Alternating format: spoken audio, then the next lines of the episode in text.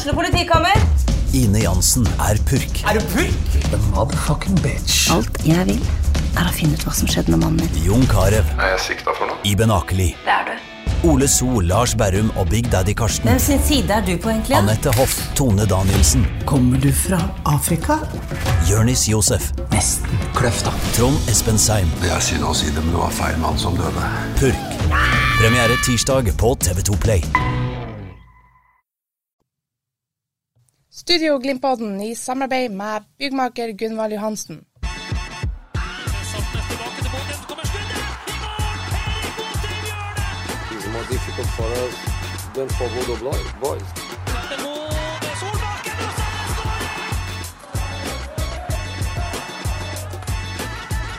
Let's enjoy it. Let's play. Da er vi klar her i Studio Glimt-podden, og det er Fredrik Thoresen og Bør Arntzen som sitter her. Det er bare 63 dager igjen til sesongstarten på Aspmyra mot Lech Poznan. Velkommen, Freddy. Tusen takk, Børre. Menyen i dag ser omtrent ut som det her. Vi må snakke om eh, Pellegrino, som er på plass. Hva skjer med Hugo Vetlesen? Rykter av nye spillere. Vi må kikke litt på eh, terminlista. Ja, den må vi gløtte litt på. Må vi. Litt om og fra det åpne medlemsmøtet i Glimt forrige torsdag. For der var du. for det var jeg. Og helt til slutt så skal dere få høre den nydelige Nord-Norges stolthetssalmen. Kanskje det vakreste sparket i retning i Tromsø-IL så langt, i, i hvert fall i, i år. Studio Glimtodden i samarbeid med byggmaker Gunvald Johansen. It's more difficult for us than for Bodo Blo- boys.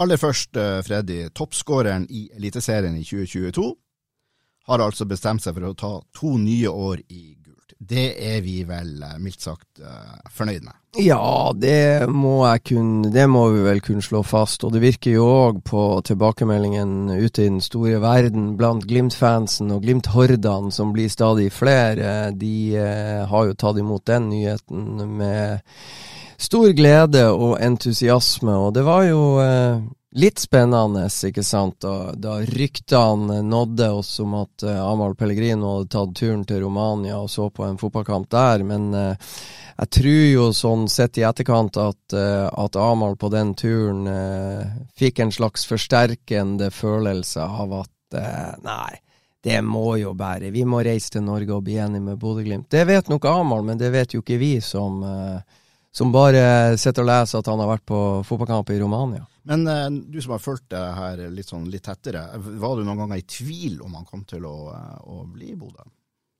Nei, jeg hadde en sånn feeling fra, eh, fra eh, Amahl fortalte meg at, eh, at han mest sannsynlig skulle rett til Trondheim og operere eh, akillesen sin for å for å ha størst mulig sjanse til å være spilleklar til en kamp mot et polsk lag på Aspmyra i februar. eh, Det klarte han liksom ikke helt å legge skjul på, men jeg vet jo at han kan jo tenke to tanker. Hvis han skal ut og prestere for en ny klubb, så kan det være greit å, å komme tidligst mulig i gang. Men, men akkurat det her eh, Jeg syns på en måte ei, slags føring ble lagt eh, der og da når Glimt sender Amahl til Trondheim og han blir operert for å kutte ned på Eller for å bli spilleklar tidligst mulig. Det er det ene.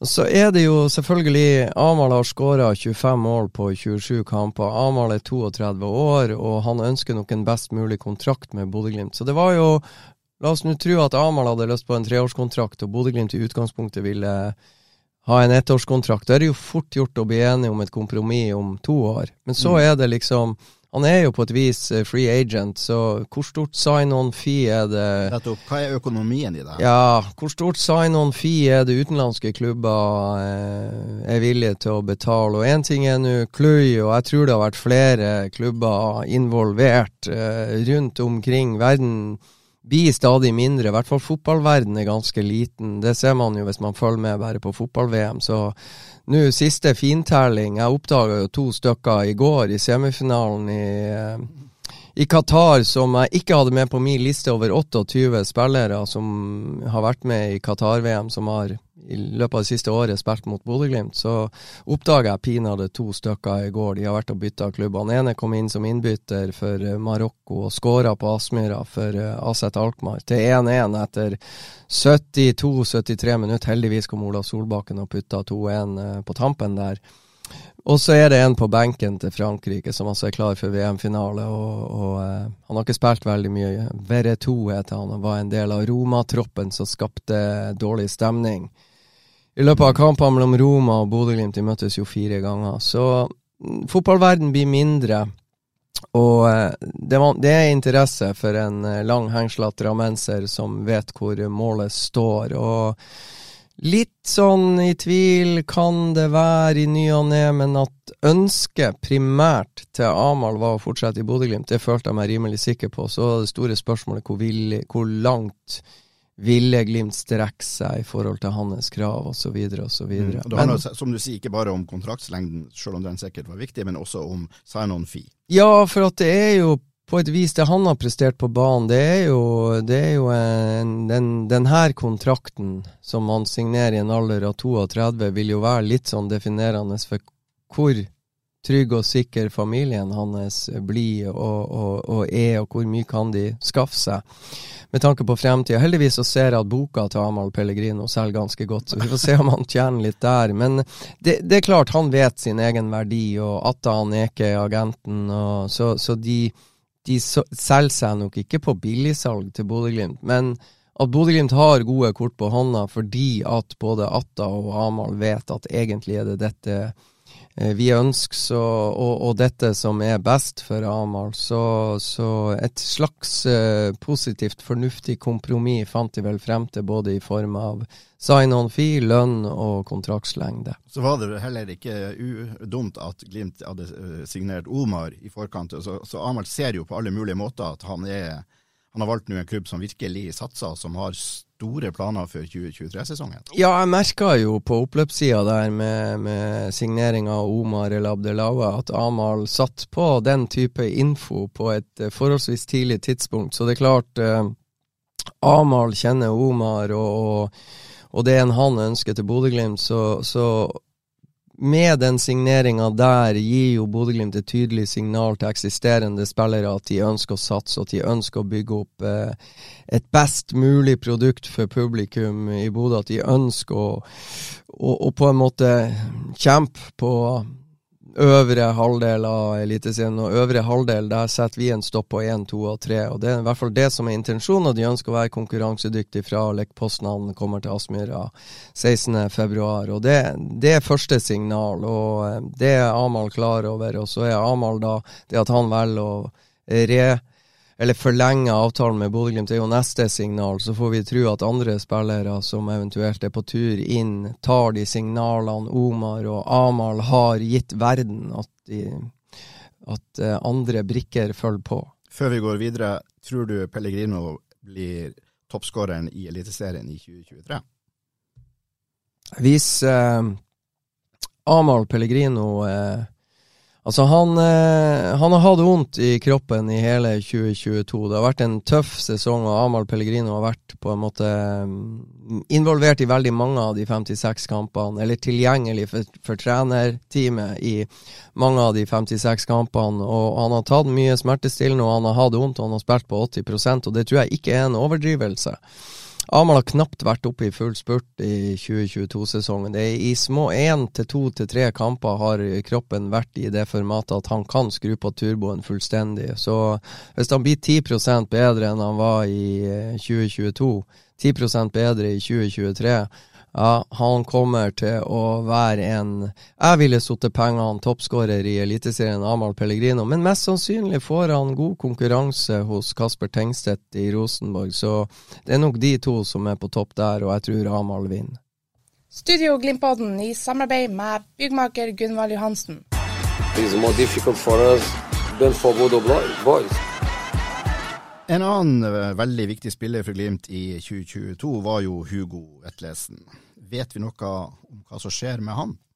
Ja, altså hvis jeg vet og vet, vi vet vel ikke så mye, men det går nå an å spekulere litt grann, eh, og, og på en måte at vi føler oss sånn rimelig sikre på at vi, vi er innafor en sfære av sannhet. Så jeg tror at uh, det er ikke den der uh, Den enorme interessen Jeg tror det er mange klubber som har Hugo Vetlesen på blokka si og i sikte, og på en måte driver og scouter på Hugo Vetlesen og er imponert og liker han. Men derfra til at det begynner å bli konkrete bud og, og, og konkrete forhandlinger med Bodø-Glimt, der tror jeg vi har en vei å gå. Det kan selvfølgelig skyldes at enkelte klubber nå har fulgt med på det som skjer i Qatar, og der er en del spillere som skal skifte arbeidsgiver. Eh, uh, i den forbindelse, som på en måte har markedsført seg på en fin måte og skal hentes. Så jeg tror jo at den kabalen der eh, i etterkant, den bølgen i etterkant av fotball-VM eh, må eh, roe seg. Og så eh, går eh, klubbene da videre på og, og skal finsjekke eh, Hugo Vetlesen igjen. Men jeg blir ikke overraska hvis Hugo Vetlesen spiller mot Lech Poznan.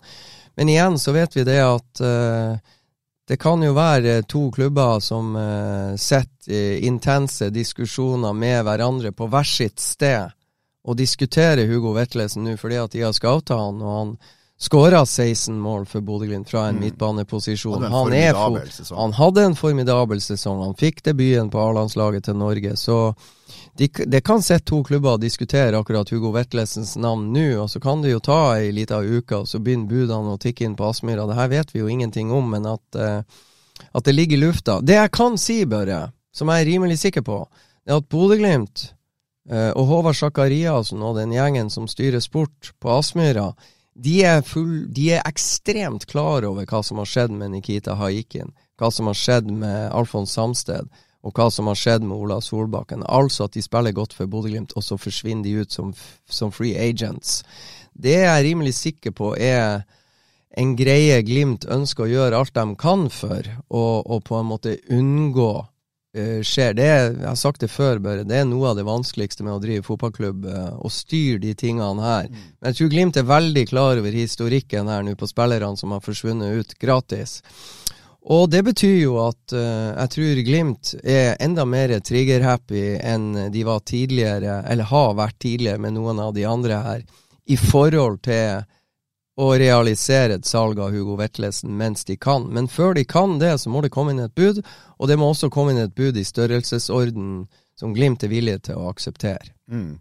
For vi, vi Du nevnte jo ikke Fredrik André Bjørkan, han var vel kanskje det første eksempelet på en sånn Eller om ikke det første, så i hvert fall en av de som Philip, Philip Sinkernagel er, er, et kraftfullt eksempel, ja. men så blir også Fredrik André Bjørkan et veldig et, Kanskje et enda mer kraftfullt eksempel, for det er en bodøværing som er født og oppvokst, oppvokst i klubben, og når de ikke klarer å ha kontrakt med han, som gjør at de kan selge og cashe litt inn for det de har investert i han. Og Så kan folk si hva man vil om at ja, Glimt hadde muligheten til å selge, hadde bud.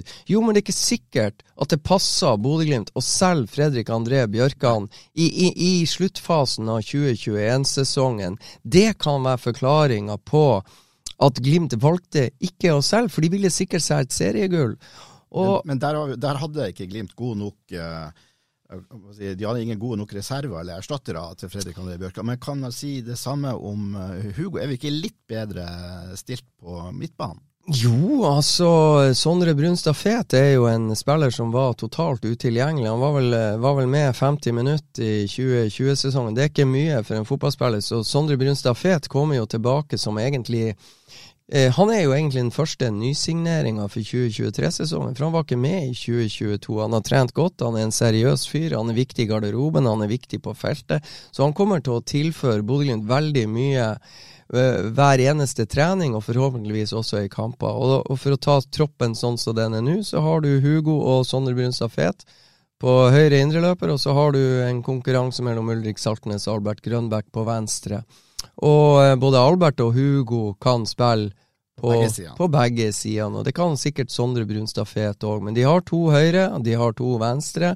Og de har Fredrik eh, Sjøvold i bakhånd, som sikkert kan gå inn og steppe inn. Du har en Morten Ågnes Konradsen, som, som jo spilte høyre indreløper eh, i begge kampene mot Roma, som den ene endte 6-1 og den andre endte 2-2.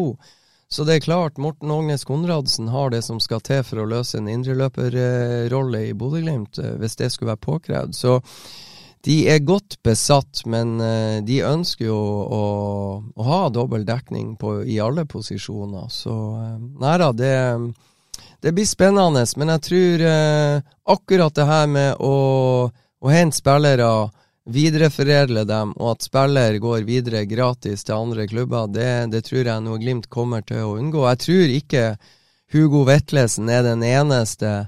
Er, jeg har en mistanke om at også en type som Marius Høybråten, 27 år, er, går inn i sitt siste kontraktsår, 2023. Uh, har, det, det, svever rykter ute i verdensrommet at uh, det faktisk er kommet bud inn på han. Han har også kontrakt som går ut i 2020? Som, som uh, Hugo Vetlesen så har han kontrakt som går ut 2023. Og jeg tror, uh, og, og, der vet jeg både Marius Høybråten har sagt rett ut til meg at han har vært i samtaler med Bodø-Glimt. Uh, Bodø-Glimt har til og med innrømt for meg at ja, de bekrefter det Marius Høybråten har sagt til meg. De har hatt samtale høsten 2022 men jeg registrerer jo at det ikke er publisert noe kontraktsforlengelse, og det kan jo bety at Marius Høybråten nå begynner å bli klar over at i enden av tunnelen som er i slutten av 2023-sesongen, så kan han gjøre som Alfons, som Nikita, som Ola, cash inn i, i enden der, at det ligger der som ei lita gulrot for han. ikke sant? At han i en alder av 28, som han vil være da, kan cash inn etter lang og tro tjeneste. Så og da, dette vet også Glimt, og da er spørsmålet skal de selge Marius Høybråten nå, før Lech Poznan kommer, fordi at det faktisk er konkret interesse og bud på bordet? Skal vi cashe inn litt mindre enn vi ønsker nå, istedenfor å gamble og så går han gratis som de andre. Alle de her type tingene føler meg rimelig sikker på at både styret og administrasjonen og de som styrer med sport i Bodø-Glimt, sitter og diskuterer i disse tider. Vi er litt over på rykteplanet nå. Er det andre spillere du har hørt om som jeg tenker ikke på internt, altså spillere som i Glimt, men er det Nei, men det, det går et rykte om at IFK Göteborg syns at Bodø-Glimt er vanskelig å forhandle med.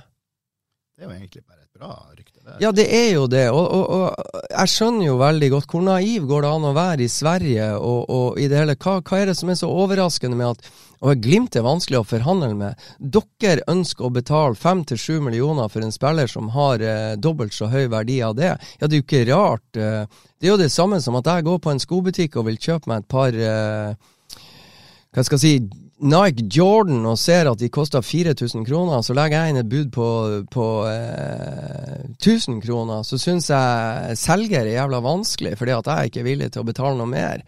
Nei, det blir litt for eh, billig. Og la meg si det sånn, i troppen til IFK Göteborg så er det ikke mange spillere som har registrert 14 kamper i Europa i 2022. Så hvis de kommer og vil forsyne seg av Bodø-Glimt sine spillere, ja, da må de komme med et ordentlig bud. Mm. Og ikke gå rundt og si at de er så vanskelig å forhandle med. Altså, det syns jeg er et jævla godt tegn, ja. for å si det mildt. Det samme er det vel eh, Bodø sin respons på vi må vel bruke anførselstegn, budet fra Tromsø på, på Lasse Nordås, som var på 750 000 kroner, hvis, hvis vi skal stole på de, eh, på de ryktene. Og så har Glimt uh, svart med et krav på, på fem, fem, millioner. jeg syns jo det er hårreisende at uh, Tromsø idrettslag får så mye publisitet og PR at media gidder å ta det der seriøst. Det er, jo, det er jo bare pinlig. Bud på 750 000. Det eneste som reagerer, og som burde reagere, og de har reagert, er Norges Fotballforbund. Dere har ikke penger, så dere kan ikke legge inn et bud, for dere eier ikke nåla i veggen. Så til og med et skambud på 750 000 kroner reagerer Norges Fotballforbund. Og det er jo helt rett. Tromsø bør jo vite at de er under administrasjon og må på en måte passe på, og må ha den tillatelsen. Så der ligger jo saken for meg. Mm. Men det er allikevel noe eh, respektløst, nærmest, over et sånt bud. Uh, altså Det er jo én ting at han, uh, at han kom til Bodø-Glimt for en, en, million sånn cirka, men han har jo ikke, han har ikke blitt mye dårligere, sjøl om han har vært i Tromsø. Nei, Det der er jo egentlig det eneste med den saken der. Den er jo kuriøs. Vi skal jo innrømme det. Det er kuriøst. Tromsø tar en liten sånn artig, artig og sender inn et bud på 750 000, og så får de på fingeren får de brev og mail fra Norges Fotballforbund. Så det, det, er jo det kuriøse i det hele. og så... Eh, Nei, at uh, Tromsø tror at en spiller Bodø-Glimt betalte uh, langt mer for fra Strømmen i sin tid da han kom, og tror at de kan hente han for 750 000, mens de skal ha blodpris for, uh, for eventuelle andre spillere sjøl. Nja, det er kuriøst, la oss nå si det sånn. Og så er det artig, og så blir det noen saker, og så er det noen vinnere, det er media som skriver. Men at det har noe særlig substans og relevans og troverdighet, det har det jo ikke.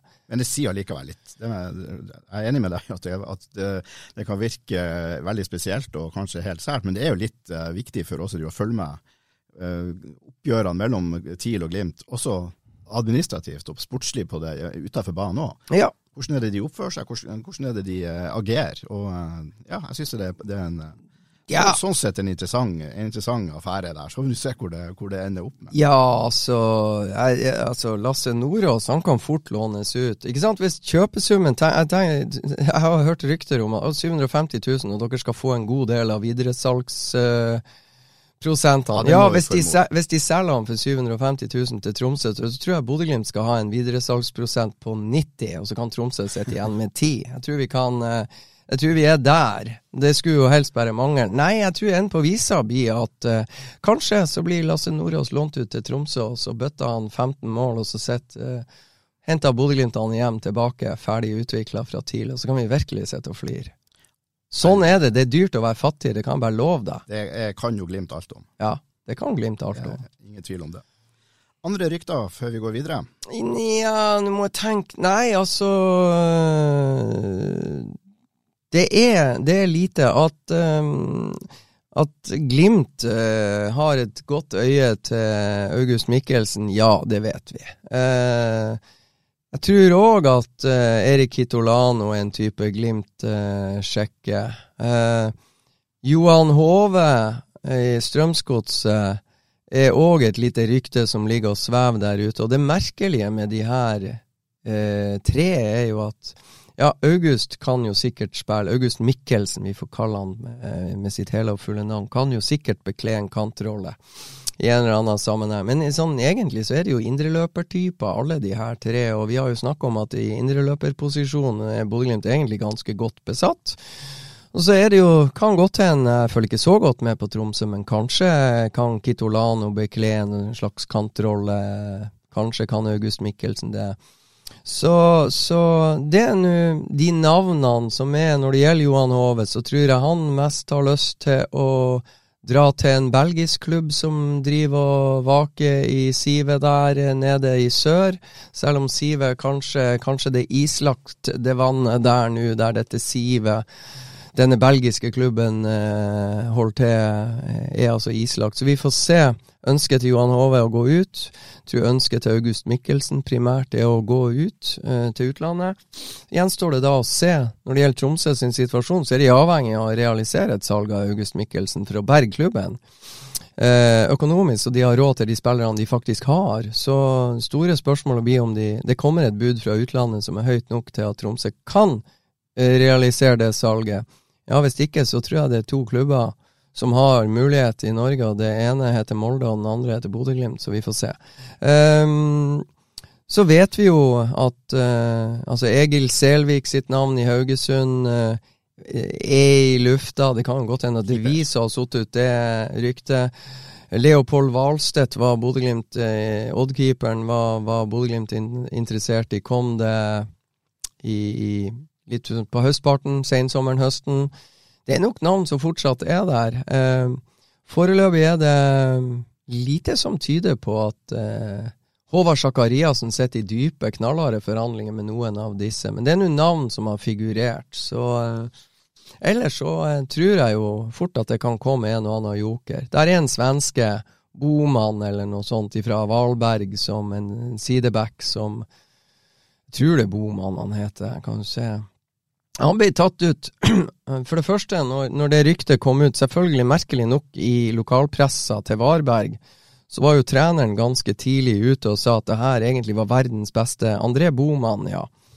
Verdens beste høyreback, eller noe sånt. Si. Ja, det hørtes sånn ut, så det der var en sånn taktisk eh, greie som, eh, som, kom ut for å, for å, kjøre opp prisen. Men i etterkant av det her, så Varberg berga plassen, mener jeg, etter eh, noen sånne kvalikkamper, berga plassen i Allsvenskan, og han eh, er vel i en eh, fersk svensk A-landslagstropp, så det er jo dessverre med på å presse prisen opp. Så, så vet man jo aldri om eh, denne bomannen vil til Bodø. Så eh, det er nå et navn der ute, så Er det virkelig noen som ikke vil til Bodø?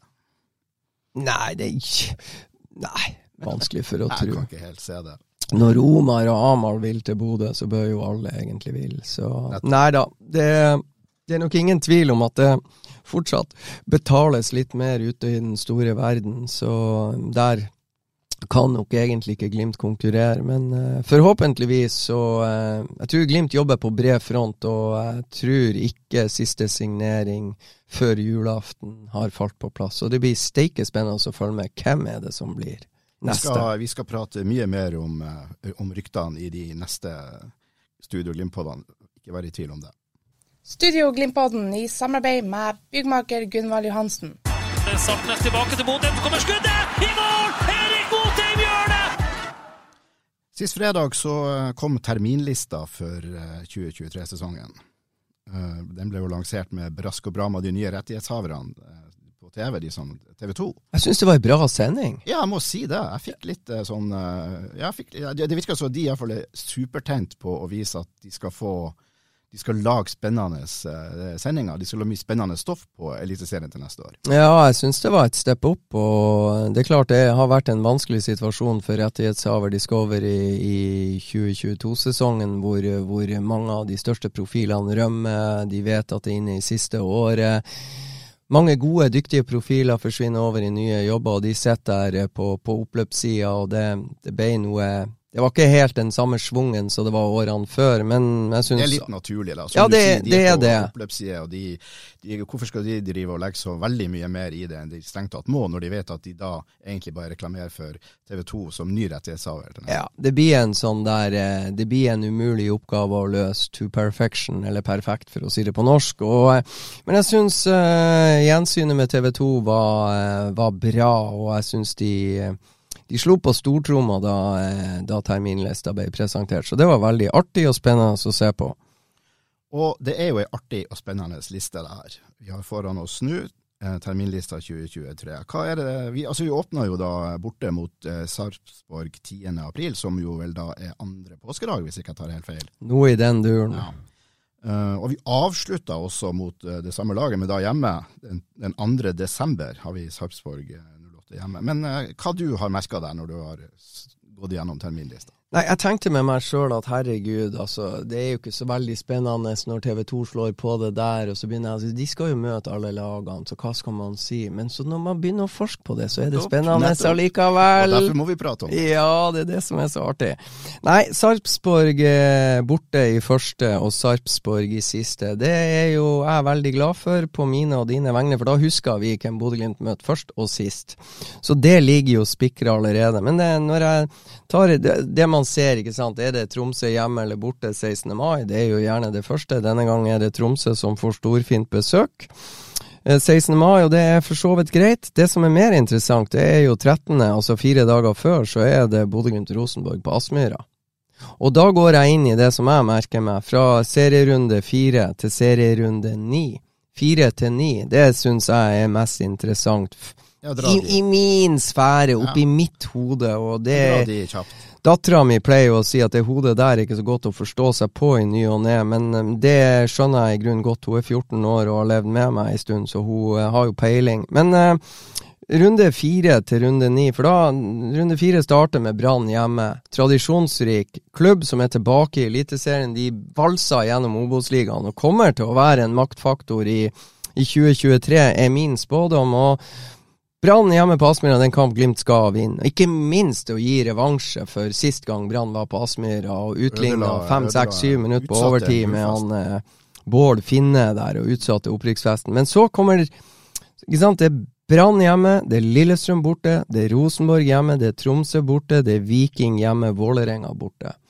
Alle bortsett fra Tromsø, tradisjonsrike, stolte storheter i norsk fotball. og Jeg tror både Viking, jeg tror Lillestrøm, jeg tror Vålerenga kommer til å ha ambisjoner om å være med og kjempe på øvre halvdel. Det samme mot, uh, med, med Brann, som jeg sier. Så de, den perioden der, runde fire til ni, der er Glimt nødt til å, å, plukke poeng. Og der kan på en måte Glimt benytte sjansen, de kampene der, til virkelig å komme med statement at vi skal være uh, Vi skal være Vi kriger om uh, eller vi ønsker å skape prestasjoner ute på banen i kampens hete som gjør at vi er med og kjemper om gullet når eh, sesongen skal avsluttes. Og, så jeg tror det kan være litt sesongdefinerende, det Glimt gjør i de eh, kampene der. Runde fire til ni. Og så eh, ser jeg òg at i eh, runde 25 og 26 har Glimt to hjemmekamper. På tampen av sesongen så har de Sandefjord hjemme og Lillestrøm hjemme. Jeg håper òg at de to kampene kan være med at uh, det er to hjemmekamper. Det er godt i gang. Forhåpentligvis er det litt europacupspill innimellom her. Og jeg tenker det etter en, Det begynner å dra på, på oppløpssida av sesongen der, og der kan de på en måte sette nådestøtet som gjør at de uh, tar de poengene som gjør at det blir litt avstand, og fjerner litt spenning i tetstriden, hvem, hvem enn det måtte bli mot? Det tror jeg er ganske lett å si. Jeg tror det blir uh, tetstriden, der kommer Molde til å være. Og Glimt har uh, Molde hjemme først, det har de den 2. juli, 12. runde. Og så har de uh, Molde borte i den 24. runden, 8. oktober. Og det er det, Børre. 8. oktober, Molde borte. Godt resultat der, så kommer det to hjemmekamper. Fantastisk. Ikke sant? Ja. Og jeg vil, altså de fire siste. Ok, Stabæk borte. Jeg husker sist gang man møtte Stabæk borte, så vant vel Glimt 3-0 etter en tøff europacupkamp. Og på en måte holdt det stand. Det var en solid kamp, og Amahl Pellegrino ble trødd ned og på midtstreken der, og det ble rødt kort til Stabæk, og Glimt vant som de ville, og solid. Det var vått og det var jævlig, og egentlig så var det enkelte Kjetil Knutsen og Glimt hadde vel egentlig ikke lyst til å spille, for de mente det var ikke forsvarlig på den våte gressmatta. Ballen stoppa opp, men Glimt var mye bedre. Stabæk røkka ned, Glimt tok gull.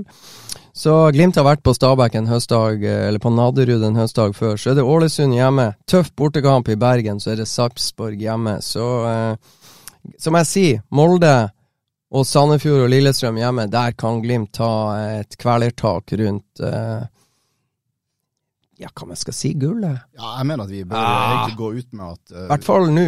At vi, ja, på dette tidspunktet så bør ja. vi si at vi, vi ah. snakker jo eh, mer enn gjerne om gull i 2020. Det er det jeg leser av terminlista her. Ja, jeg syns det var en fornuftig uh, konklusjon. Så uh, nei, åttende i tiende, og det drar meg igjen. Jeg syns vi er rundt åttende i tiende når Bodø-Glimt med Marius Lode og Brede Mo dro til Molde og vant 2-0. Marius og Brede mura igjen forsvarssjekken, og så var det 0-0 til pause. og Så kom Hugo Vetlesen inn som innbytter, og så satte han 1-0.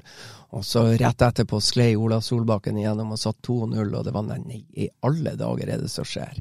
Fantastisk. Ja, det var artig. Mange... Det tror jeg skjer 8.10.2023. Veldig bra. Studio Glimpodden i samarbeid med byggmaker Gunvald Johansen. Sartnes tilbake til Bodø, så kommer skuddet! I mål! Erik Botheim gjør det! Forrige torsdag så tilbrakte jeg halvannen time på Aspmyra stadions møtelokaler, eller Sportsbaren som de vel kaller det for. Og Det var da i forbindelse med det åpne medlemsmøtet som klubbledelsen arrangerte der. Det var ikke så mange som eh, var til stede fysisk, i alle fall. Kanskje bare en 10-12-15 eh, stykker. Ja, jeg må spørre, bare helt før, du 10-15 eh, stykker fysisk til stede. Kunne man ikke ha forventa litt flere med tanke på den de mange som skal ha mening eller vil vite noe om det indre livet i Bodø-Glimt, og ikke minst når klubben eh, stiller opp til å åpne møter. Jeg hadde forventa litt flere fysisk. Jo, eh, jeg syns ikke det er noe viktig om de kommer fysisk eller om de er med på streamen og følger med der. Men jeg er litt usikker på hvor mange som, som faktisk gjorde det. Men det kom en hel haug med spørsmål fra, fra eh, de som fulgte det her på nett. Så ja, jeg vet ikke. Jeg syns uansett at dette er et det er et veldig bra tiltak. Jeg synes det er fint at klubben eh, følger opp. Jeg håper de ikke gir seg med det her, men at de gjennomfører flere sånne, sånne møter. Og eh, jeg tror ikke de var så skuffa, men kanskje de også, som du, litt overraska over at ikke det var flere folk som, som kom og fikk seg svar på sine spørsmål og en kopp kaffe på, på Aspmyra. Men du var der, Børre. Og Var det noe du beit deg merke i som, eh, som interessant som kom frem? Ja, altså det, det var tre, eller, ikke så store ting, men likevel veldig positive ting, sånn som jeg så det. Det første var at Inge Henning Andersen, som er styreleder i Glimt, han eh, fortalte at årsmøtet nå i eh, 2020, altså det årsmøtet som skal være nå, i mars, og at det blir gjennomført digitalt. Noe som gjør at du som Glimt-medlem kan være på møte og delta som et, eh, også med stemmerett og alt det der, selv om de ikke har anledning til å komme fysisk på Aspmyra. Dette høres jo ganske selvsagt ut i 2022 og 2023, men det har vært krefter i Glimt som eh, har vært veldig skeptiske til en sånn eh, mulighet. Og her har, her har styret tatt en fornuftig avgjørelse, rett og slett. Hva du tenker er årsakene til at det har vært den type motstand, som jeg er enig med deg at eh, jeg har også oppfatta det sånn. Hvorfor er det så, så eh, vrangvilje til å på en måte åpne opp og gi tilgang til, til flere? Og det her er jo også et sånt tegn på det er vel sånn, eh, hvis jeg oppfatter rett, stadig flere medlemmer, stadig flere stemmer som ønsker å si noe, og mange av de er på en måte utflytta bodøværinger. Mange av de er nye Glimt-sympatisører som ønsker å si sitt. Hvorfor denne motstanden? Jeg tror motstanden fra eh, Glimt-ledelsen har handla om uh, frykt for å miste litt kontrollen på et sånt årsmøte. Ja, De har rett og slett vært redd for å bli kuppa, at noen skulle, skulle eh, skaffe seg et flertall og foreslå saker og ting som, som Glimt rett og slett ikke ønsker de å få vedtatt. Og det mener jeg er en helt ubegrunna frykt. De de som er medlemmer av Glimt,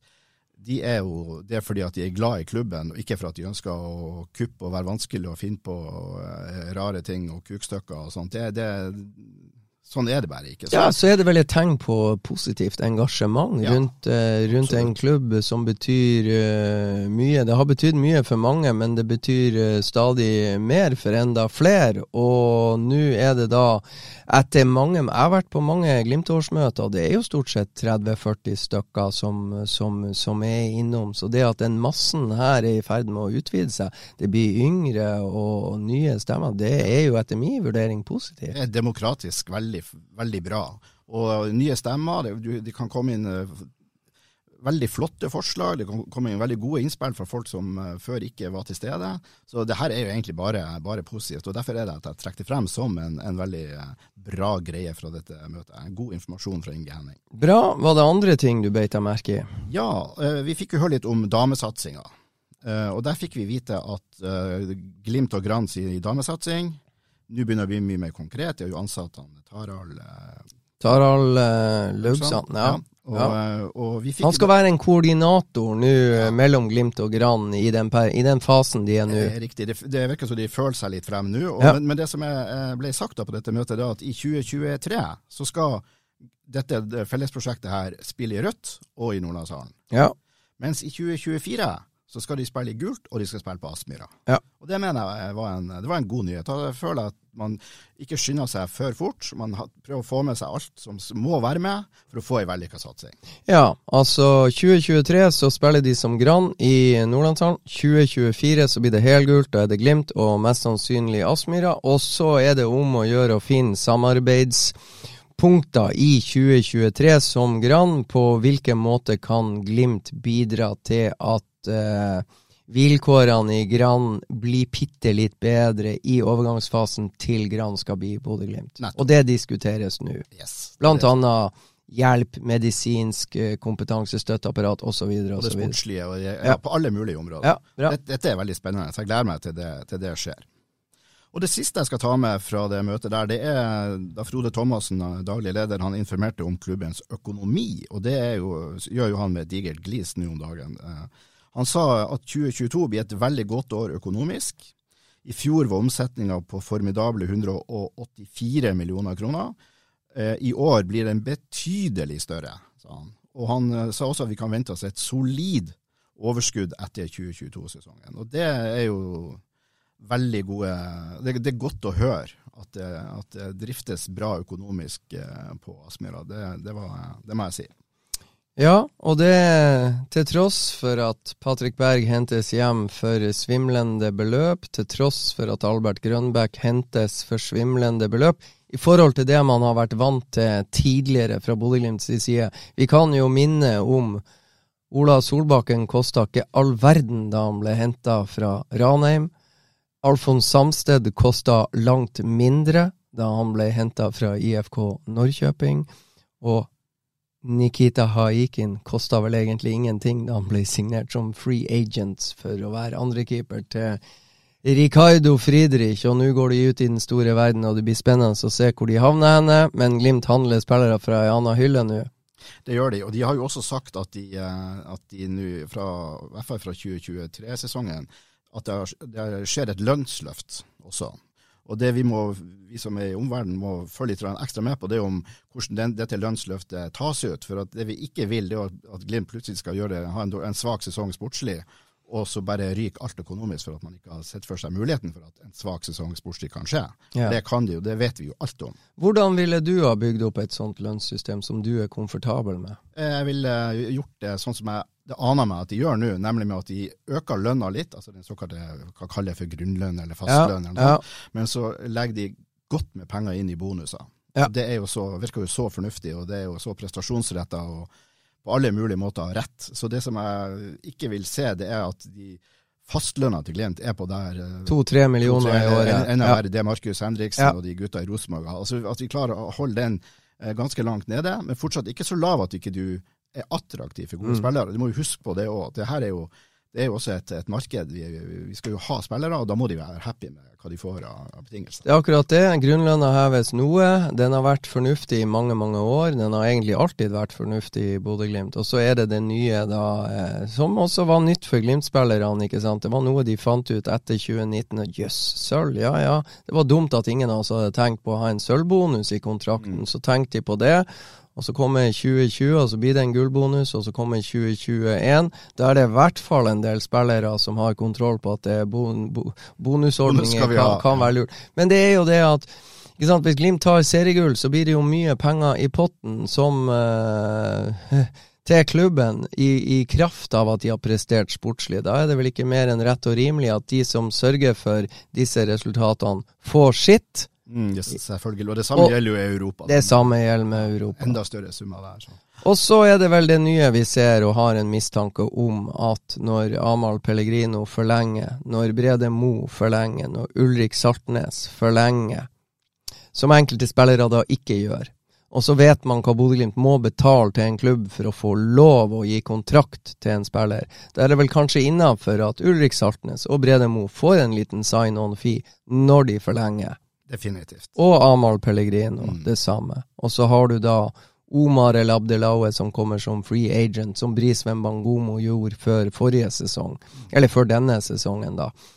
Så, så blir det vel sikkert et slags sign-on-fee til Bris. Jeg tipper Omar sitt sign-on-fee var noe høyere, men uh, sånn er det. Mm.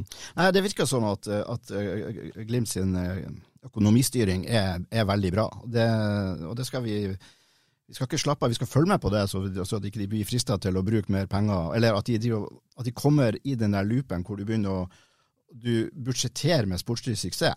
Det er ikke fornuftig på, eh, for en klubb som eh, Bodø. Ja, for det viktige som Bodø-Glimt må se på i egen tropp nå, ikke sant. De må se hvem er det her av spillerne vi har i våre rekker som vi kan tjene penger på en eller annen gang i fremtida. Hvem er våre salgsobjekter, ikke sant. Mm. Og jo eldre troppen blir, det blir ikke det er ikke Amahl Pellegrino eller Omar eller Abdelaue man selger ut i den store verden for store penger. Nei, det er Fredrik Sjøvold, det kan være Lukas Kuber, det kan være Nino Sugel, det kan være ja, de her er litt yngre. Joel Mvuka, for ikke å snakke om. Så eh, det er viktig å følge med på mange ting her. Er det. Studio Glimpodden i samarbeid med byggmaker Gunvald Johansen.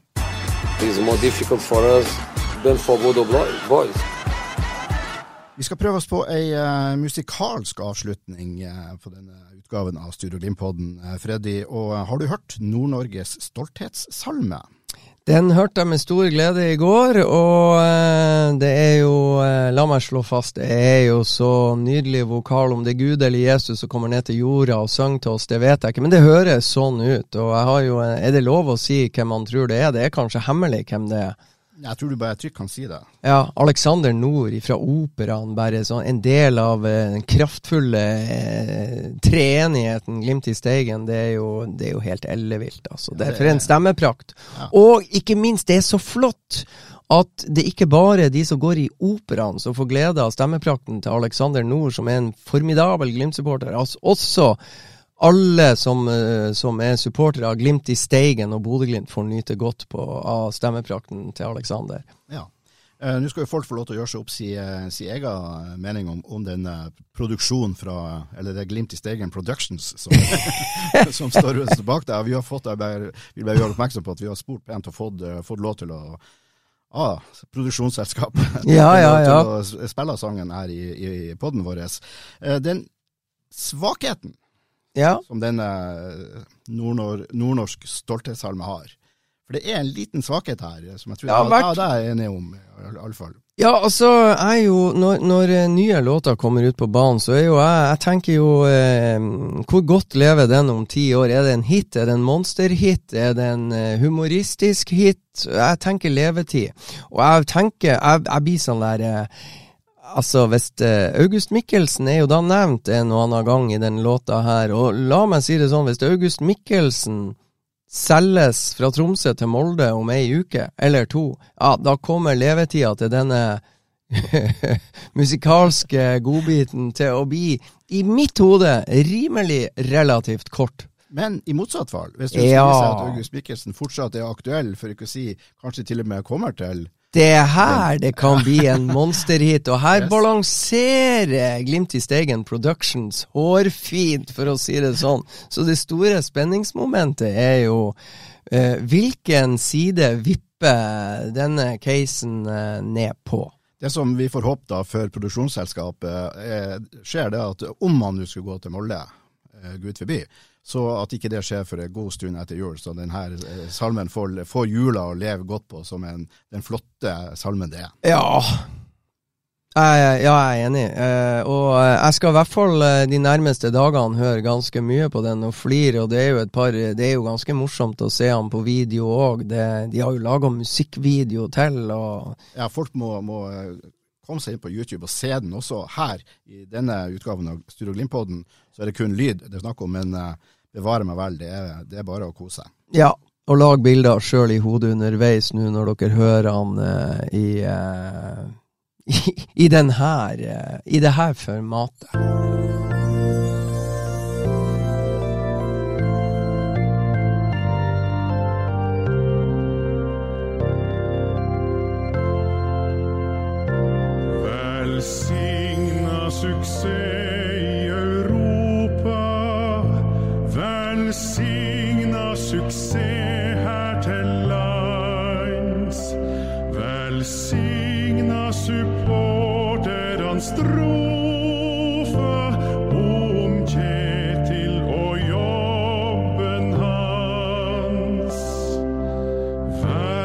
dem som kjemper på myr.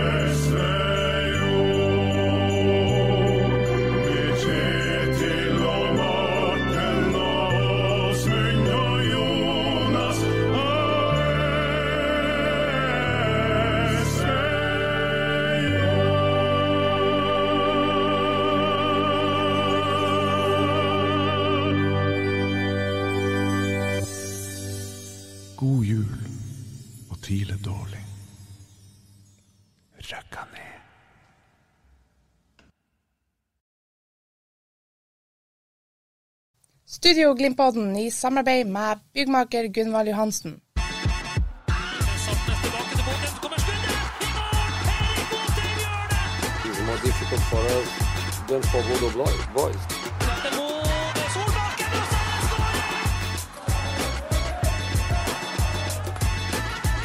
Let's enjoy it. Let's play.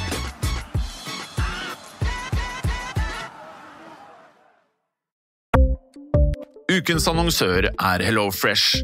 HelloFresh er verdens ledende matkasseleverandør og kan være redningen i en travel hverdag. Mange av oss har nok vandret i butikken både sultne og uten en plan for middagen, som ender med at vi går for de samme kjedelige rettene gang på gang. Middag burde være dagens høydepunkt. Som HelloFresh kan du nå velge mellom 25 ulike retter hver eneste uke, eller få HelloFresh til å sette sammen menyen for deg. Dette gir deg muligheten til å prøve nye og spennende retter alene eller sammen med familien. Du velger antall porsjoner og får alt levert på døren på et tidspunkt som passer for deg. Oppskriftene er enkle, og maten er lett å lage både for store og for små.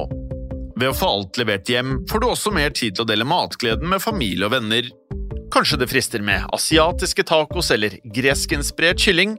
Da kan jeg anbefale deg om å gå inn på hellofresh.no. Her kan du bruke koden FOTBALL og få opptil 1779 kroner i rabatt på de første fem matkastene hvis du ikke har prøvd HelloFresh tidligere. Du kan også bruke rabatten hvis du har vært kunde og stoppet abonnementet ditt for tolv måneder siden eller lengre. Gå inn på hellofresh.no og bruk koden FOTBALL. Har du et enkeltpersonforetak eller en liten bedrift? Da er du sikkert lei av å høre meg snakke om hvor enkelt det er med kvitteringer og bilag i fiken, så vi eh, gir oss her, vi. Fordi vi liker enkelt. Fiken superenkelt regnskap.